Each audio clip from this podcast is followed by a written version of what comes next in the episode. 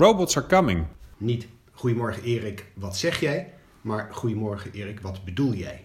Steeds vaker lees je over robots, chatbots die taken van mensen overnemen waar we simpelweg tekort schieten of wel wat hulp kunnen gebruiken. Vandaag in de nieuwe aflevering van de WebHelp podcast ga ik in gesprek met Arjan van Hessen. Arjan is werkzaam aan de Universiteit Twente, Utrecht en bij Telecats als Head of Imagination. En hij weet alles over spraaktechnologie en de laatste stand van zaken. Zometeen gaan we met elkaar in gesprek over de, de chatbot van, uh, van Microsoft, Tai. We gaan in gesprek over het verschil tussen supervised en unsupervised learning. Wat het verschil is en eigenlijk de, de rol van de mens, en vooral in het supervised learning, uh, om te zorgen dat de machine de juiste dingen leert. Aan bod komen ook voorbeelden waarin het niet zo goed is gegaan. En uiteindelijk eindigen we natuurlijk binnen de toepassing ervan binnen de contactcenters.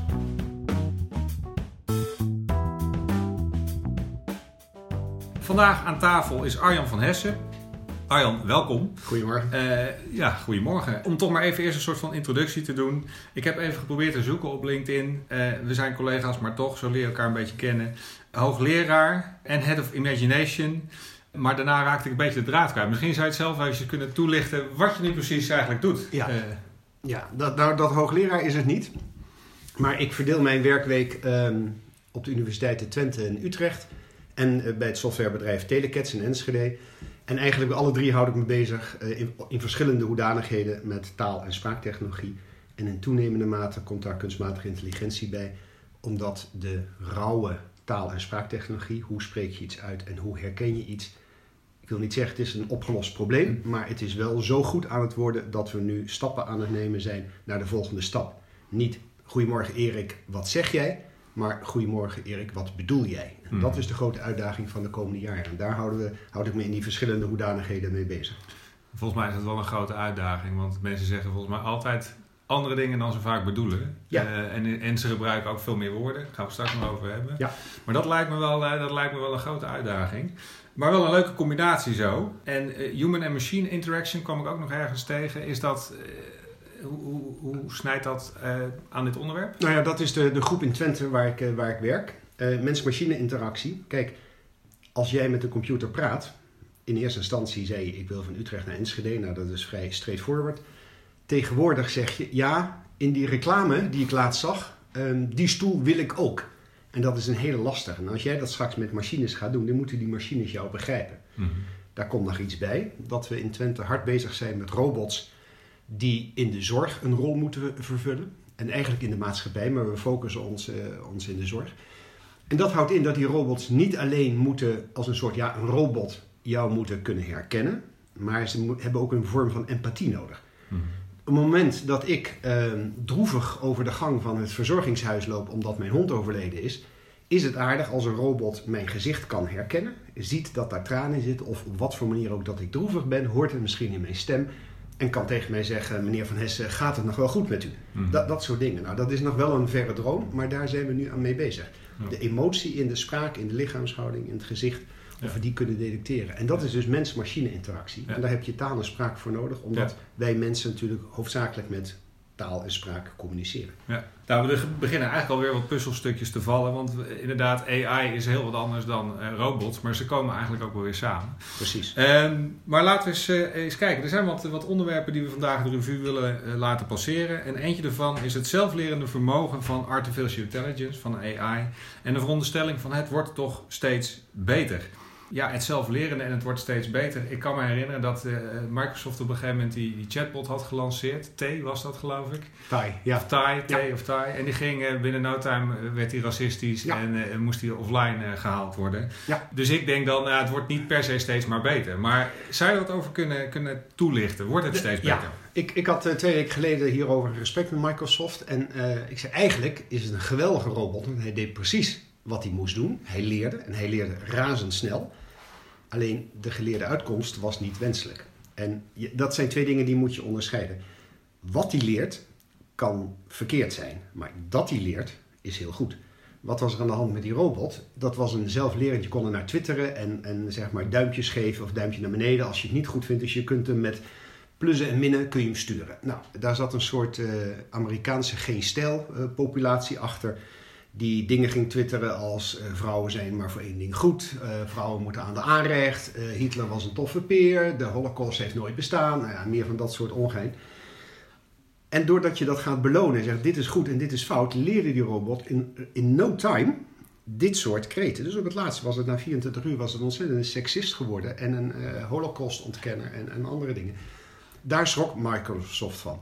Maar het feit dat hij in 24 uur in staat was om dit te leren, is op zich natuurlijk iets fantastisch. Ja, ja. En dat is het, hetzelfde als je kinderen of een huisdier hebt. Die leren ook vanzelf. Hm, Daar komen we het straks nog wel over. Maar die leren ook.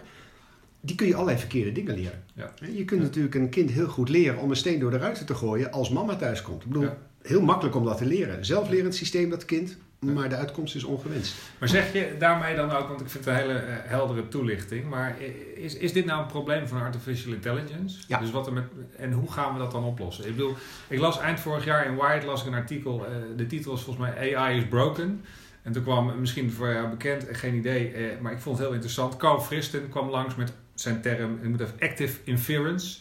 Is natuurlijk heel grappig, een knipoog naar AI, die geeft eigenlijk een andere betekenis aan. Het was allemaal in het kader van AI is broken, we need to fix it. Ben je daarmee eens? Ja, maar waar het vooral om gaat, en dat is eigenlijk, daarom verbaast me af en toe alle commotie die erover is. Het, het, wat je leert, er zijn verschillende manieren om, om te leren. Je hebt unsupervised learning, en dat is wat er met TAI gebeurde, en ook met een aantal eh, plaatjes herkennen van Google. Namelijk, je haalt je rommel van internet of je materiaal van internet en de computer leert.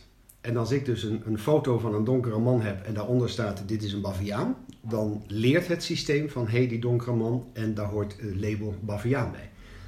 Dat doet hij helemaal vanzelf en dat doet hij dan heel goed. Dus even later herkent hij donkere mensen als apen. Nou, Mhm. dat, dat is echt gebeurd en dat is Ja. absoluut niet de bedoeling. Je hebt ook supervised learning. En dat wil zeggen dat er nog steeds een entiteit in zit. In dit meeste gevallen een mens. Die zegt van, ho, ho, maar dit willen we niet leren. Dus die zegt van, nee, een zwarte mens en apen, dat, dat Mhm. halen we eruit. Mhm.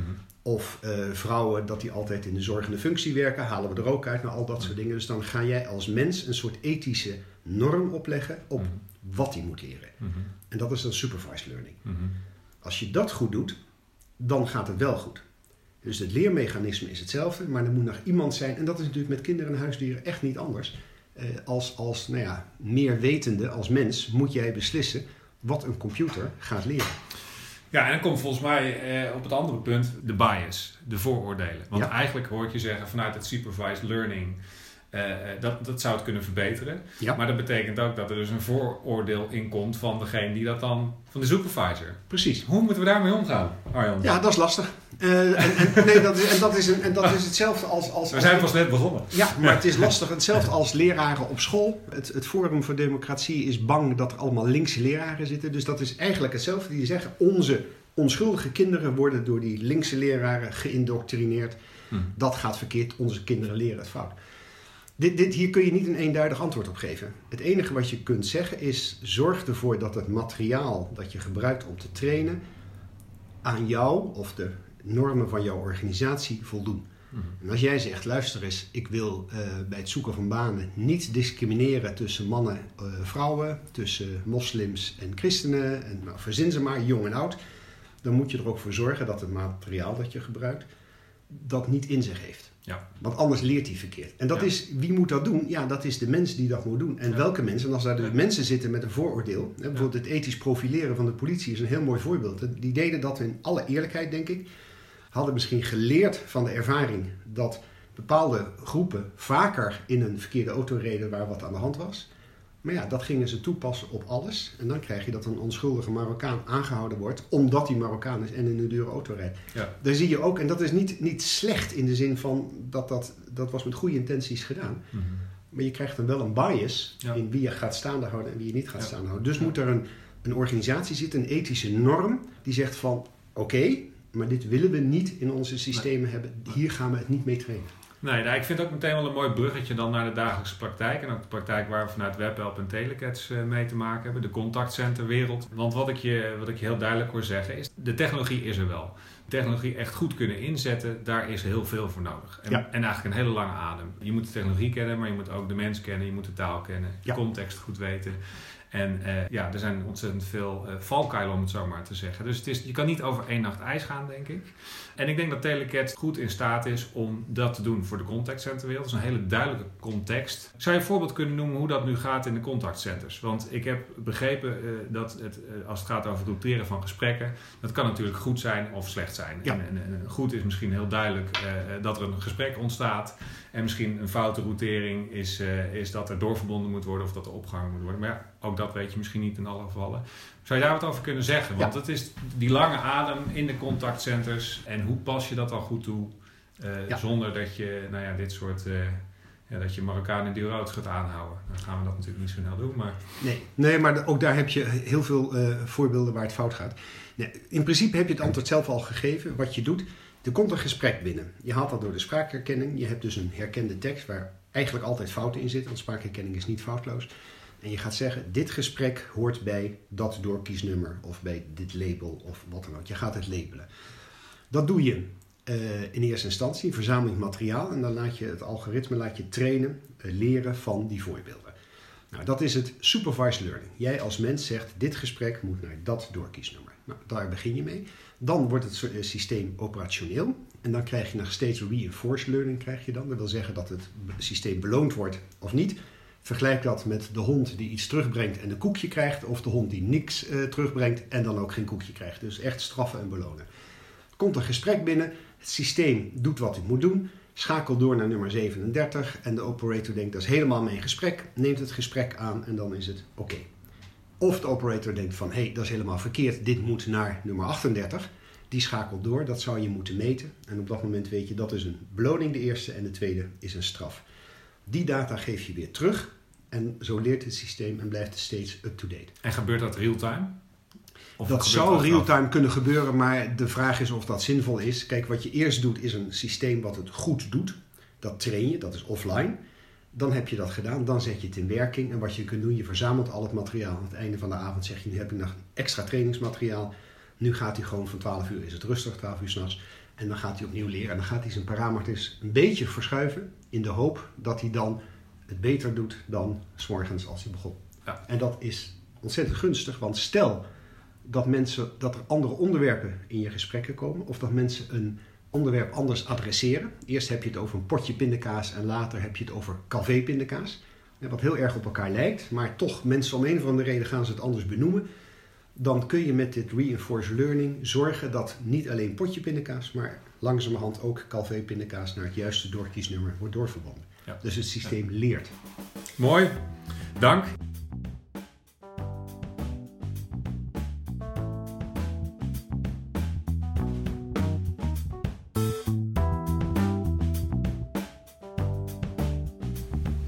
Ja, en daarmee zijn we alweer aan het eind gekomen van de derde WebHelp podcast. Wat ik eh, nog wil vragen is, sinds een aantal weken zijn wij ook eh, opgenomen in het podcast Walhalla van Apple, de iTunes Store. Eh, je kan je daarop eh, abonneren, ook nog steeds via SoundCloud. Eh, de WebHelp podcast is de naam en via één klik met je muis ben je geabonneerd. Als je dit leuk vindt, dan vind ik het ook erg leuk om je reviews te horen. Dat is meteen wel weer goed voor onze ratings. Dus vergeet niet alleen te abonneren, maar ook nog een review achter te laten. Daar zouden we heel blij mee zijn. En ja, ik zou zeggen, stay tuned voor nog meer afleveringen. En de komende tijd zullen we ook andere onderwerpen die binnen de webhelp eh, groep plaatsvinden.